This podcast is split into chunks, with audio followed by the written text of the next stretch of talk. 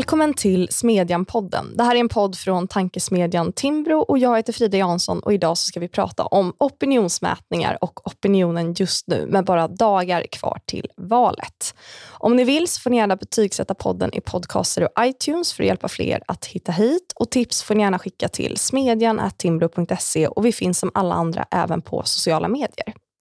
Den senaste veckan har vi fått opinionsmätningar nästan varje dag från olika opinionsinstitut. Men vem leder egentligen och hur säker kan man vara? Och med mig för att diskutera detta har jag Per Rosenkrantz som är opinionsanalytiker på Nordic Public Affairs och med bakgrund i Moderaterna. Torbjörn Sjöström som är VD på Novus och Johan Martinsson som är valforskare på Göteborgs universitet och föreståndare för SOM-institutet. Välkomna alla tre. Tack, tack. Tack. tack. Jag tänker att vi börjar med den stora frågan. och Det är ju otroligt jämnt mellan blocken i de senaste dagarnas opinionsmätningar. Och vad kan man säga om läget egentligen? Är det möjligt att uttala sig om vem som leder? Vad säger du Per? Det är ju ruggigt jämnt helt enkelt. Eh, och sett de senaste mätningarna idag som har trillat in Skop och Sifo tror jag så blir det, ja det är ju jättejämnt. Och det man ska notera en sak där, det är intressant historiskt sett så brukar inte alltid precisionen blir inte alltid bättre ju närmare valet du kommer för att det är svårt ändå att fånga de här sista väljarna i valspurten. Så att jag tror lite oavsett vilka mätningar som kommer komma nu kommande dagar så ska man nog utgå från att det, det är ruggigt jämnt. Men samtidigt vill jag väl säga, och nu går jag lite utifrån vad man bara ser i hård data, men så, felmarginalen är, även om det är skillnader inom felmarginalen, så är det ju fler mätningar där de rödgröna får de här två mandaten. Den här lilla två mandatens övervikt. Och jag vet att statistiskt sett så är det där att det är helt jämnt, för det skulle lika gärna kunna vara på andra sättet. Men när det blir så hela tiden, så min magkänsla nu är att det är jämnt med en liten svag fördel för Magdalena Andersson. Och, och, och jag då med min utgångspunkt hoppas ju att det kan vända nu sista spurtdagarna. Torbjörn, vad säger du? Går det att säga någonting om ja, men, eh, vem som leder? Och skiljer, om man tänker på opinionsmätningarna som var inför valet 2018 och inför valet 2014, eh, fanns det då de här osäkerhetsmomenten också kring att det är så otroligt jämnt mellan blocken? Också mot bakgrund av att det var ett lite annat politiskt läge då, eh, eftersom mm. det fanns en tydlig vågmästare och inte två Nej, tydliga ja. block. Ja, men, och den vågmästarrollen slog ju till ganska rejält på fredagens sista debatt också, där man insåg att okay, man gick, det var flera väljare som gick till S eller M för att hålla vågmästaren nere. Liksom. Så att, eh, och, och, och, Det var ju inte på samma sätt den här tydliga blockdiskussionen som det varit det här senaste året. Nu, nu, nu, nu, nu pratas det i offentliga rummet om väldigt tydliga två regeringsalternativ. Eh, även om jag själv inte riktigt begriper det, men det kan vara att jag är trög. jag, tycker, jag ser en massa osäkra vägar ut. Men det enda jag hela tiden vill säga är gå och rösta. Tro inte att det är klart. Mm. Alltså det är fan det viktigaste just nu, att man faktiskt går och röstar på det man själv tror mest på. Eh, undersökningar nu visar en nulägesbild, plus minus felmarginaler. Eh, och, och det ska man inte glömma. Jag känner mig som en papegoja varenda dag nu i tre veckors tid. Men det är för att jag vill inte att man ska låtsas som att det är klart innan det är klart. För det har varit det största problemet kring opinionsundersökningar i världen, är att någon har bestämt sig att det är klart innan det är klart. Och det har påverkat väljarnas vilja att gå och rösta. Mm. Och Det där ska vi inte glömma, den är otroligt viktig. Um, så att, men det, det, är jämnt. Jag tycker det är jämnt på väldigt många dimensioner. Alltså det handlar inte bara om liksom mellan blocken, men L är farligt nära 4 spärren. De är på rätt sida. Om SD blir större än M, jag vet inte riktigt om, hur, om det kommer påverka, om det, om det faktiskt landar i det eller inte, om det kommer påverka de olika regeringsalternativen heller. Det är en massa osäkra saker i min värld. Det enda jag ser framför mig är långa fika eh, hos talmannen och vi får veta vad Magdalena Andersson och Ulf Krist och vad de gillar för kakor helt enkelt. Mm. Hur länge som helst. Det är det jag är mest orolig för, för jag orkar inte det riktigt. Mm. Eh, jag tänker att det där är en väldigt intressant fråga. Just finns det, eh, ja, nu är ni ju opinionsanalytiker, eller Johan, du är inte det, men eh, finns det en risk när man har de här opinionsmätningarna som kommer ja, men med väldigt, eh, väldigt tätt in på varandra från massa olika institut. Att man tenderar då i slutspurten att fokusera mer på själva loppet loppet. Alltså att nyhetsrapporteringen handlar väldigt mycket om loppet istället för den faktiska politiken. Johan, vad säger du om det? Ja, det, det gör det ju alltid naturligtvis. Och, men jag personligen ser egentligen inget fel principiellt sett i att publicera täta mätningar. Själva idén med att ha täta mätningar, kanske de ska dagliga eller inte, det väl, den måste ju inte vara fel så länge de är pålitliga och det är ingenting konstigt så tycker jag absolut det kan vara en bra idé. Men jag har ju alltid tyckt och försökt framföra att jag tycker egentligen att media borde fokusera mindre på just väljarbarometrar och partisympatier. Inte att publicera mindre, men jag blir att ta mer av allt naturligtvis. Eh, det är till exempel mer tematiska, ambitiösa opinionsundersökningar kring olika frågeområden. Det vet jag att en del försöker göra, men som till exempel jag är mycket mer intresserad personligen när det publiceras undersökningar om allmänhetens syn på partiernas sakpolitik till exempel. Vilka frågor som är viktiga för dem, vilka partier som har bäst politik och mer detaljerade undersökningar om vad, vilka åtgärder mot brottslighet, sjukvårdsköer och annat som allmänheten uppskattar. Så, så det tycker jag också skulle ta bort fokus om media gjorde lite mer av sånt. Men det förstår jag att det är en ekonomisk fråga också naturligtvis eh, väldigt mycket. Skulle ta bort fokus just på den här kapplöpnings journalistiken och det tror jag skulle vara bra. Men eh, samtidigt, jag tycker egentligen inte att det har blivit så i år. Trots att det publiceras många mätningar, frekventa och dagliga, så, så känns det inte så. Lite som Per sa förut, att det är relativt stabilt ändå. Även om det finns felmarginaler, man kan resonera mycket om dem. Men ser man fem undersökningar som visar på samma sak med lite olika metoder från olika institut så tycks det som att de Magdalena Andersson-sidan har en liten stabil ledning och det tycks ju som att Miljöpartiet och Liberalerna ligger något över riksdagsspärren. Men ingen kan ju ta det för givet. Och hur kommer det sig att, ja, men att det skulle vara bra då att fokusera i större utsträckning på sakfrågor än den här då kapplöpningsdimensionen som du beskriver? Är det för att väljarna är eh, mer intresserad av sakpolitik än vad man tror? Eller? Ja, jag kan ju se många skäl egentligen om jag får börja här. Att, alltså dels tycker jag, jag tycker som du förstår också att opinionsmätningar är en väldigt viktig del i demokratin. Så jag blir också ganska upprörd, man har förslag om att förbjuda dem hit och dit och så här. Men, så att jag tycker att det, de är viktiga, men var det då viktigt? Alltså gör man en väljarbarometer, då blir slutsatserna indirekta. Alla spekulerar. Är det så att parti X har gått ner nu för att de gjorde det här utspelet? Men om man gör mer tematiska kring områden, faktiska politiska områden och förslag och åtgärder. Då får vi mer direkt kunskap om opinionen istället för att bara tolka. Det var nog för att hon gjorde bra ifrån sig i den här debatten som de har gått upp en halv procentenhet inom felmarginalen.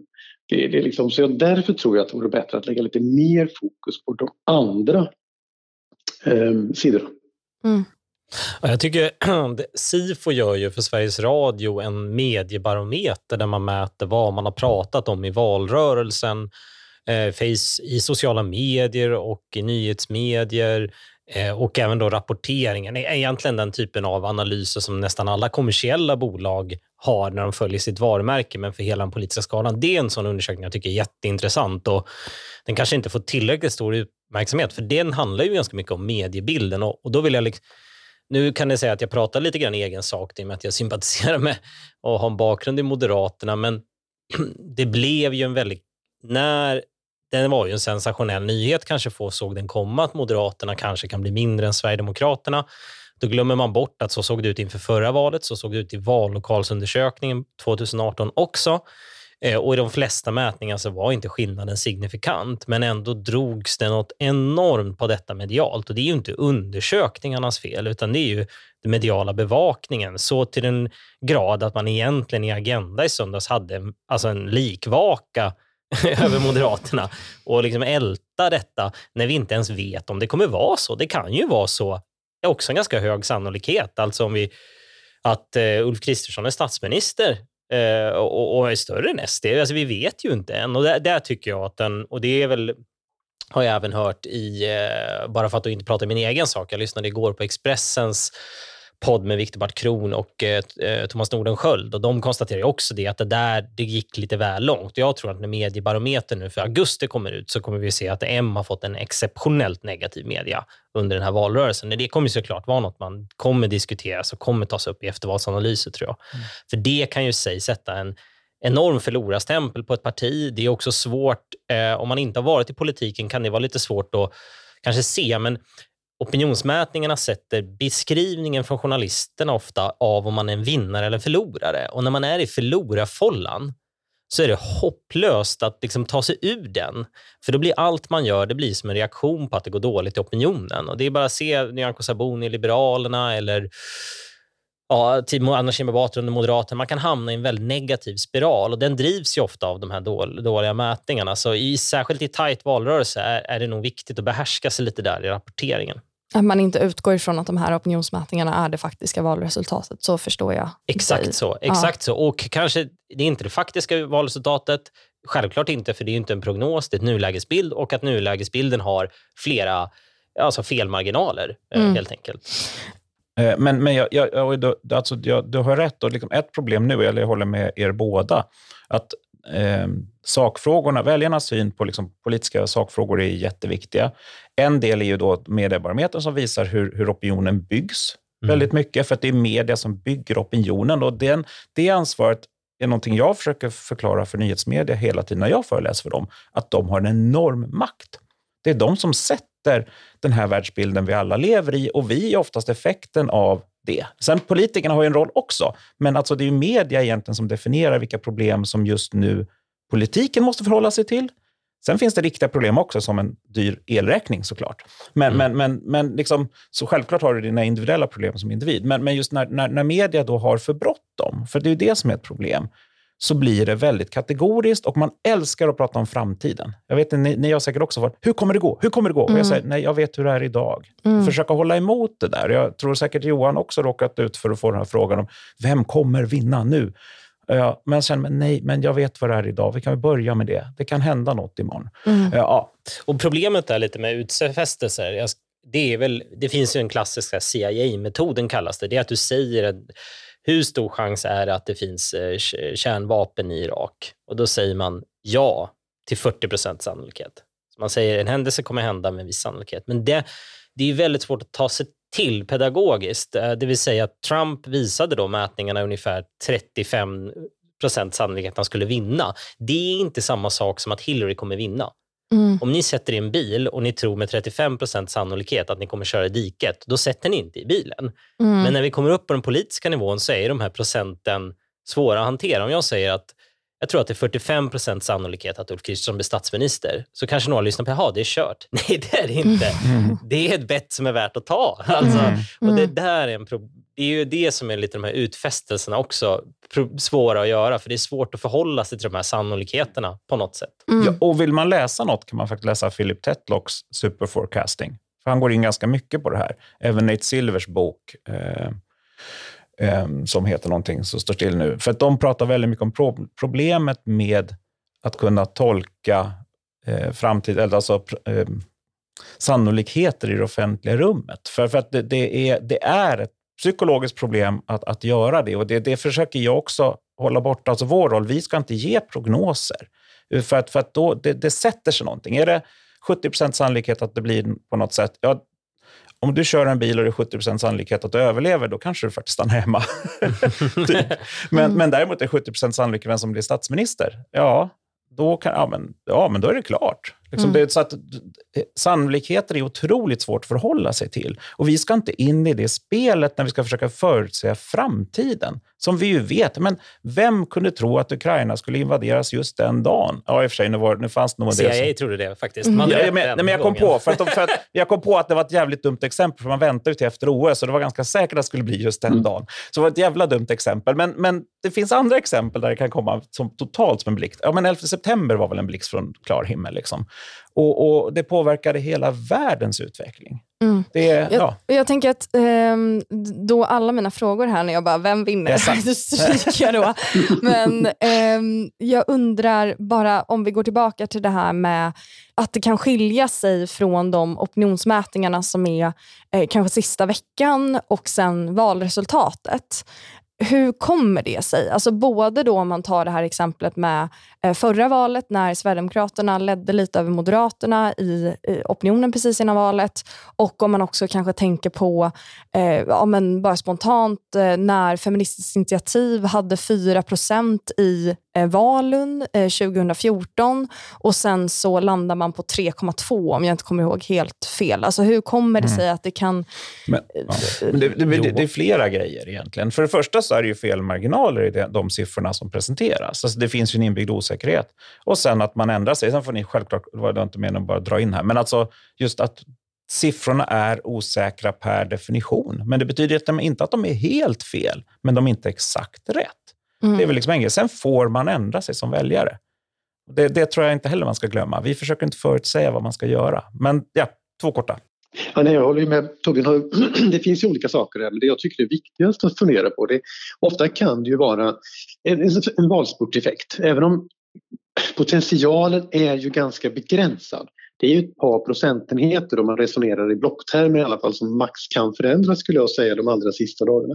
Men tittar man på slumpfelen tänker jag att om det bara är liksom en sorts urvalsfel med felmarginal, ja men då skulle inte alla dra lite åt samma håll. Tittar vi på förra valet så, så var det, tydligt det mer då på sena förändringar. Moderaterna underskattades av nästan alla, även Socialdemokraterna, Vänsterpartiet överskattades av nästan alla.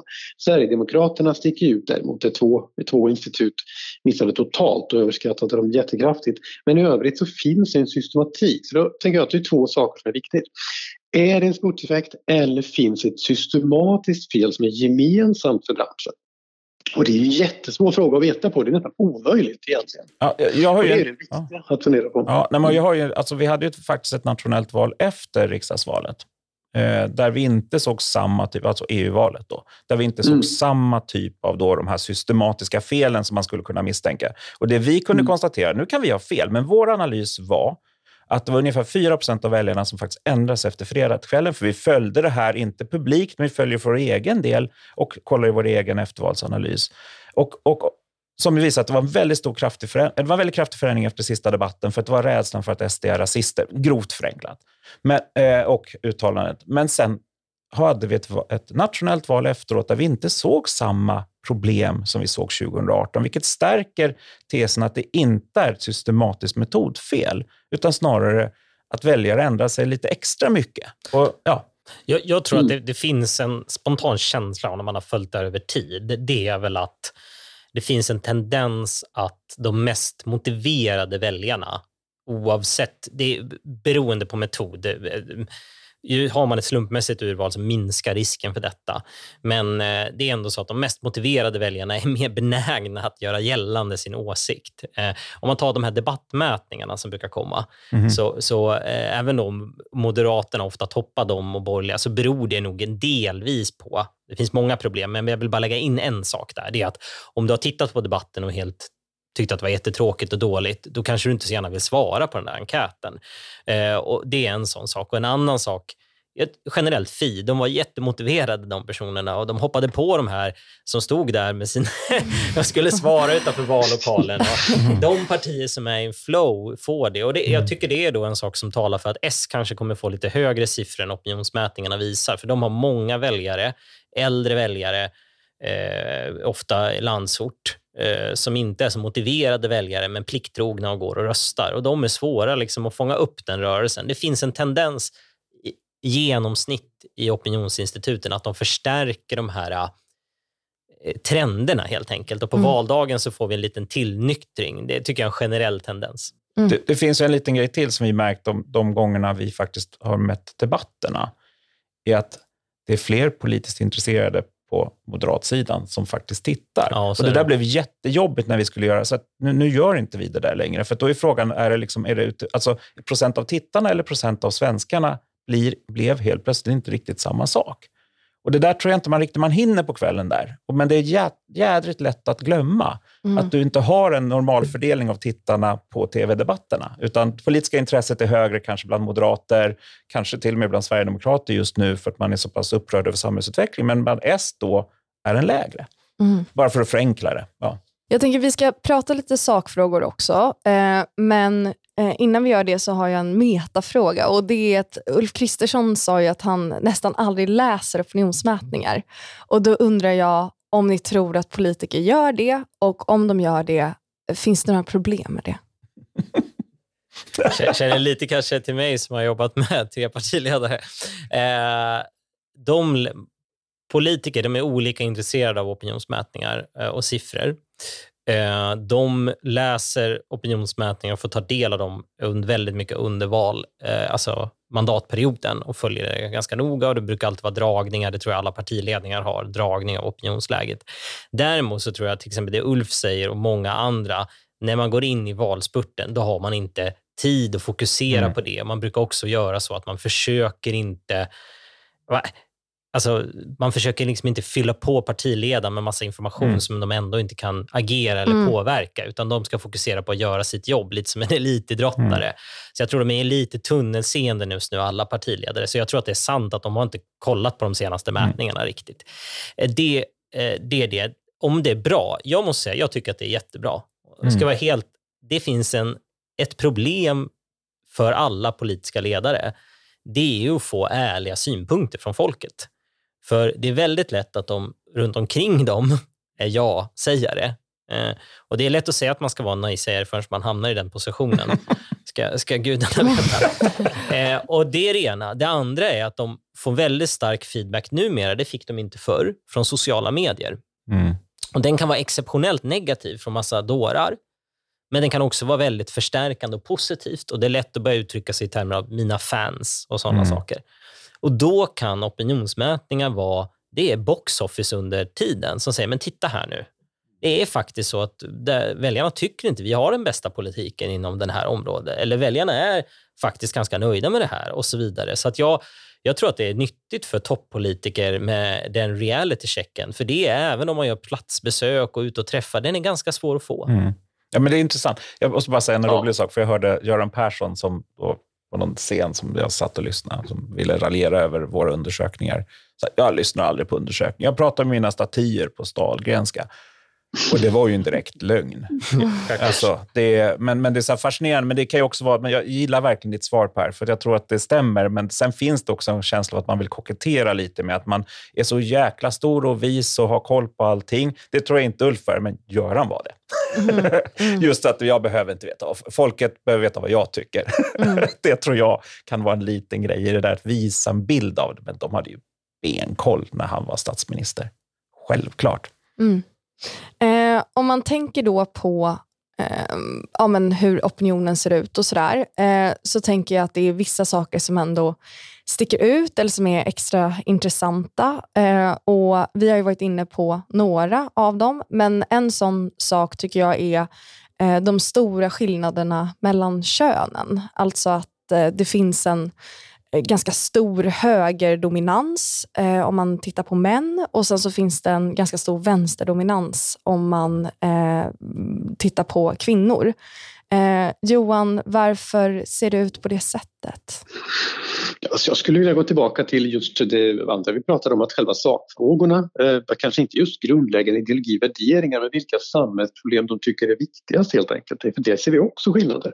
Dels mellan könen men också ska vi inte glömma att åldersgrupper också nu skiljer sig åt ganska rejält, inte lika dramatiskt så pedagogiskt dramatiskt som om vi tittar på kvinnor och män och partisympati men det finns jättestora skillnader om vi tittar på de här frågorna kring dagordningen, agendan, vilka samhällsproblem är viktigast så har vi stora skillnader. Kvinnor tycker att just sjukvård, skola, välfärdssektorn är viktigare att göra någonting åt och männen tycker att istället att brottsligheten och invandring och integration är lite viktigare. Så är det ju. Men det finns ju också åldersskillnader som man ofta glömmer bort. De, för de yngre till exempel är ju inte brottslighet, kriminalitet riktigt lika högt på agendan eh, som det är för de äldre. Alltså i alla fall i våra egna undersökningar så ju äldre de är desto viktigare är brottsligheten egentligen.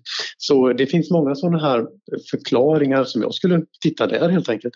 Sen finns det ju en del annan forskning också, även internationellt, inte bara i Sverige som några kollegor till mig har gjort bidrag till som just visar att kvinnor tenderar att undvika att rösta på just anti-invandringspartier som Sverigedemokraterna i Sverige eller i andra länder även om de har under kontroll för sina åsikter. Även om de har lika matchande åsikter så röstar de i mindre utsträckning än vad motsvarande män gör på till exempel Sverigedemokraterna. Varför? Det är inte så lätt att, att säga men så ser det ut. Men jag tycker att det finns mycket som inte är riktigt eh, Ja, det, det är också jag tycker är intressant, kanske jag breddar frågan lite här utan att du, du bad om det, men eh, att det hur lite egentligen dagordningen, de viktigaste problemen för människor har förändrats senaste halvåret, året med tanke på vad som händer.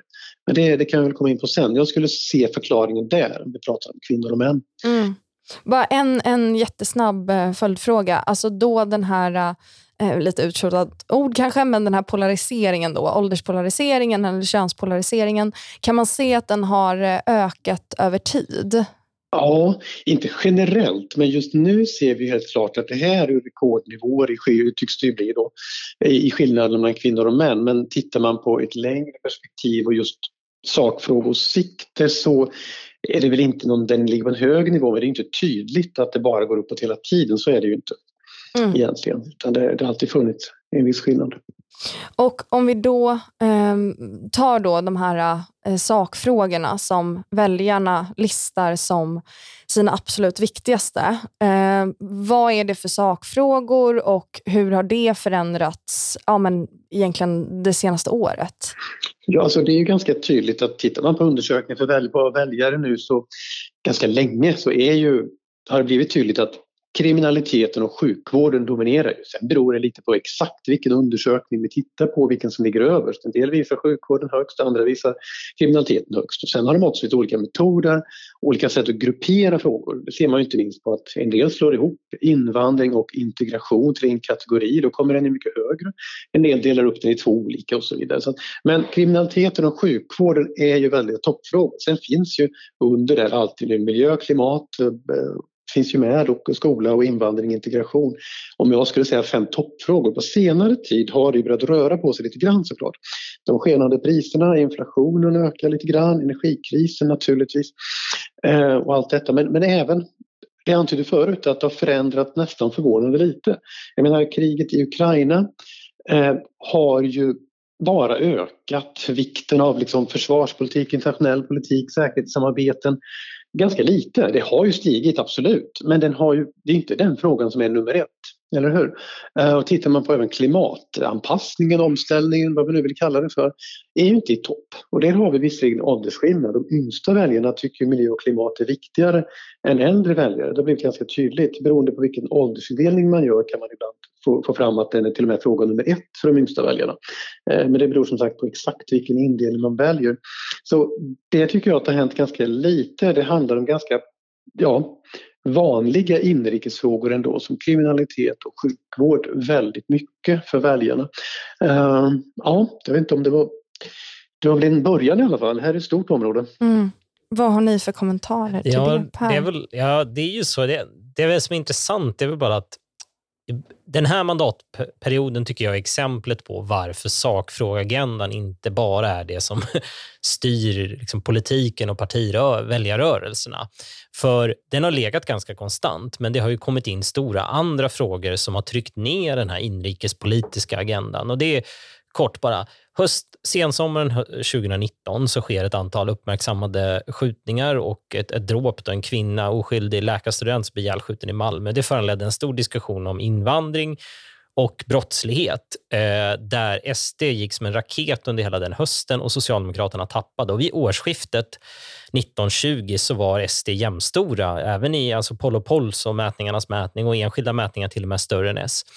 Och sen kommer pandemin och då ökar Socialdemokraterna och de rödgröna får ett man, markant övertag. Och Det betyder ju inte att väljarna slutade bry sig om brottsligheten, men det var att andra saker blev. Det var samling runt elden, krishantering. Det finns andra saker som var viktiga.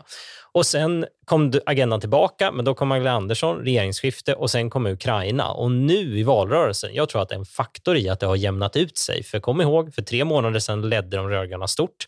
Nu är det jämnare mot oppositionen och Det tror jag är att den här, eh, som Johan beskriver, den här inrikespolitiska eller sakfrågeagendan, det är nu den som man går och röstar på mest. så att säga. Men det är intressant att analysera mandatperioden utifrån de här stora omvärldshändelserna som på något sätt är större än den här mm. Nej, nej, men, nej, men det har du alldeles rätt i. Jag ska bara helt kort ja. flika in att det, de ger ju större kortsiktiga avtryck egentligen.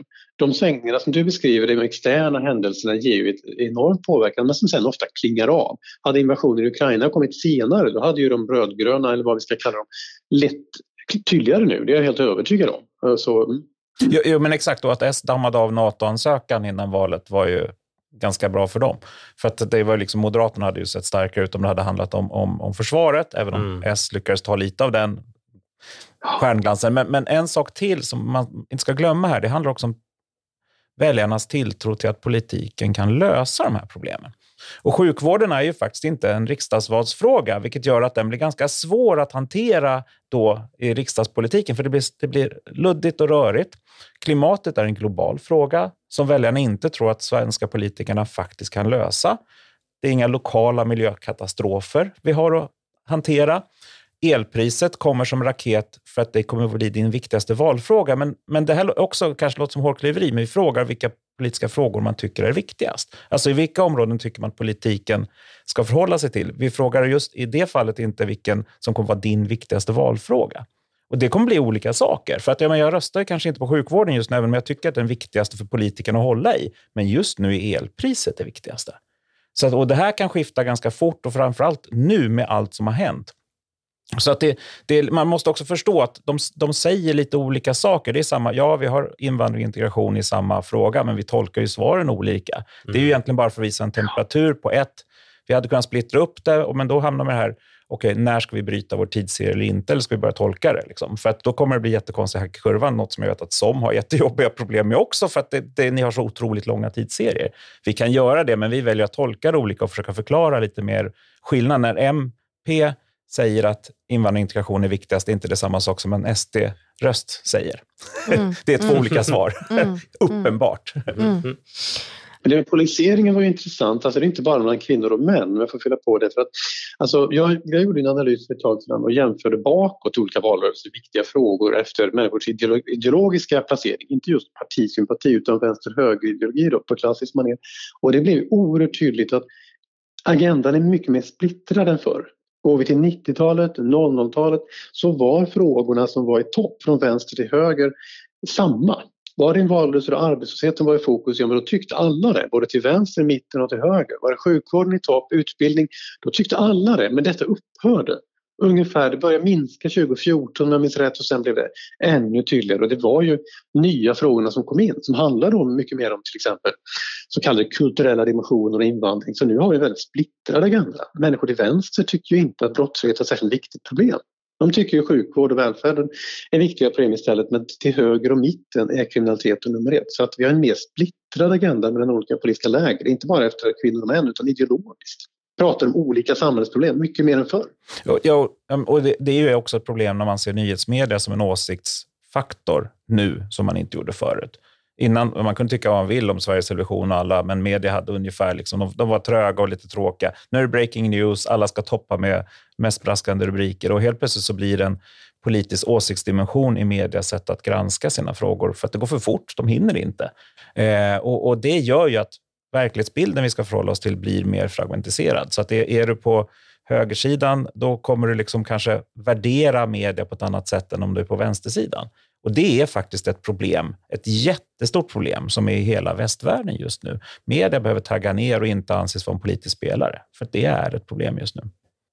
Samtidigt som kanske det som har hänt med medielandskapet är också att det finns en väldigt stor mångfald och en mycket större möjlighet kanske att eh, tillskanska sig mer information. Så det är ju mm. Men man orkar inte och hinner inte. Alltså det, det är skillnad på okay, politiskt intresserad, nyhetsintresserad, nyhetsknarkar hela tiden, men massan av människor kollar nyheter en gång om dagen och bara försöker hålla koll på det för att se om det är något som påverkar dem och mm. hålla sig uppdaterade. Så att den här, visst, det finns jättemycket information, men det behöver lägga väldigt mycket tid på att hitta den.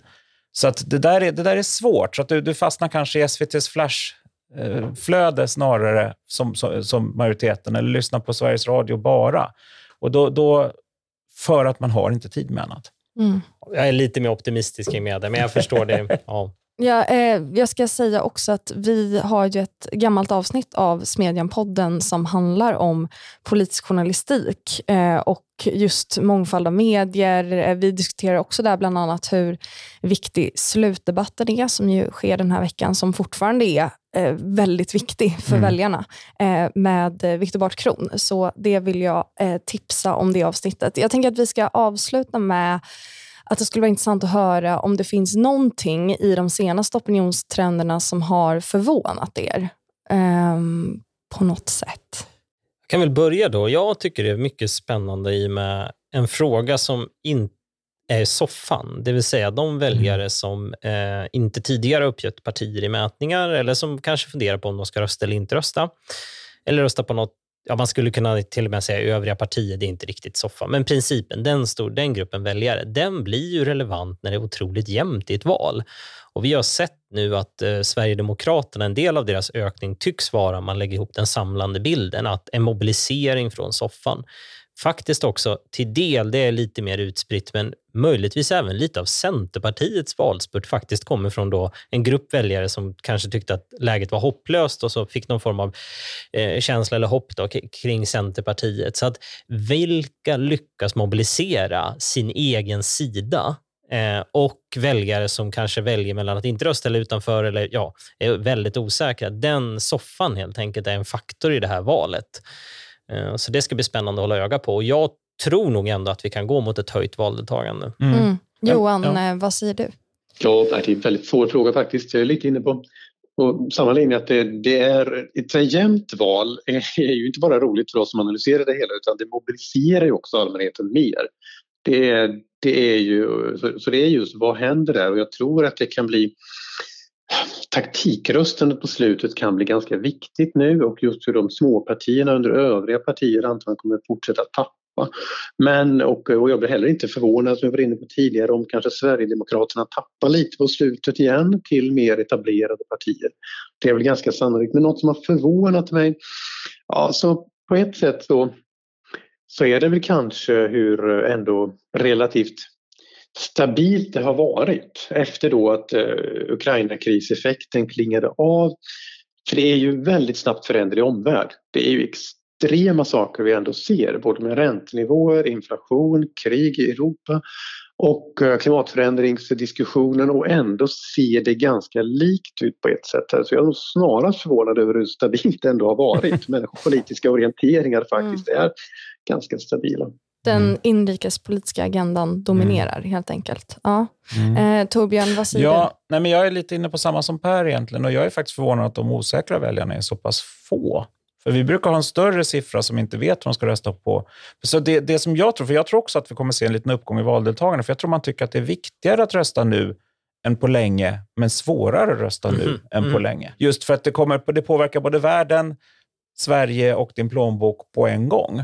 Och En sak som jag, jag också är lite förvånad över att inte S har tappat mer, men jag tror inte man ska underskatta deras utspel om elpriser och, snabb, och, och indikationer på snabba lösningar på el, el, alltså den hotande elkostnaden för individen. För det där tror jag de har lyckats ur taktiskt sett ganska smart hantera på ganska kort tid. Och det tror jag har lite har räddat deras tapp nu. För att det, annars hade det varit jättesvårt att hålla kvar en så pass starkt stöd när man riskerar att få 50 till 80 000 mer i elräkning om man sitter som styrande parti under den perioden. Mm. Så det, det, är liksom, men, men där tror jag man har varit väldigt snabb och kunnat hitta, sen, sen kommer det nog diskuteras ännu mer och hur bra det har riksbankschefen på en pressträff på en lördag. Alltså så. Men, men jag tror att de har lyckats skapa en lite framtidstro kring vissa väljare som annars hade kanske trillat över till andra sidan, men ändå röstat. Det tror jag. Eh, jag tänker att vi ska avsluta och så jag vill helt enkelt tacka er Per Rosenkrantz, Torbjörn Sjöström och Johan Martinsson för att ni var här och diskuterade med mig. Tack, Tack så mycket. Tack så mycket. Tack själv, det var roligt.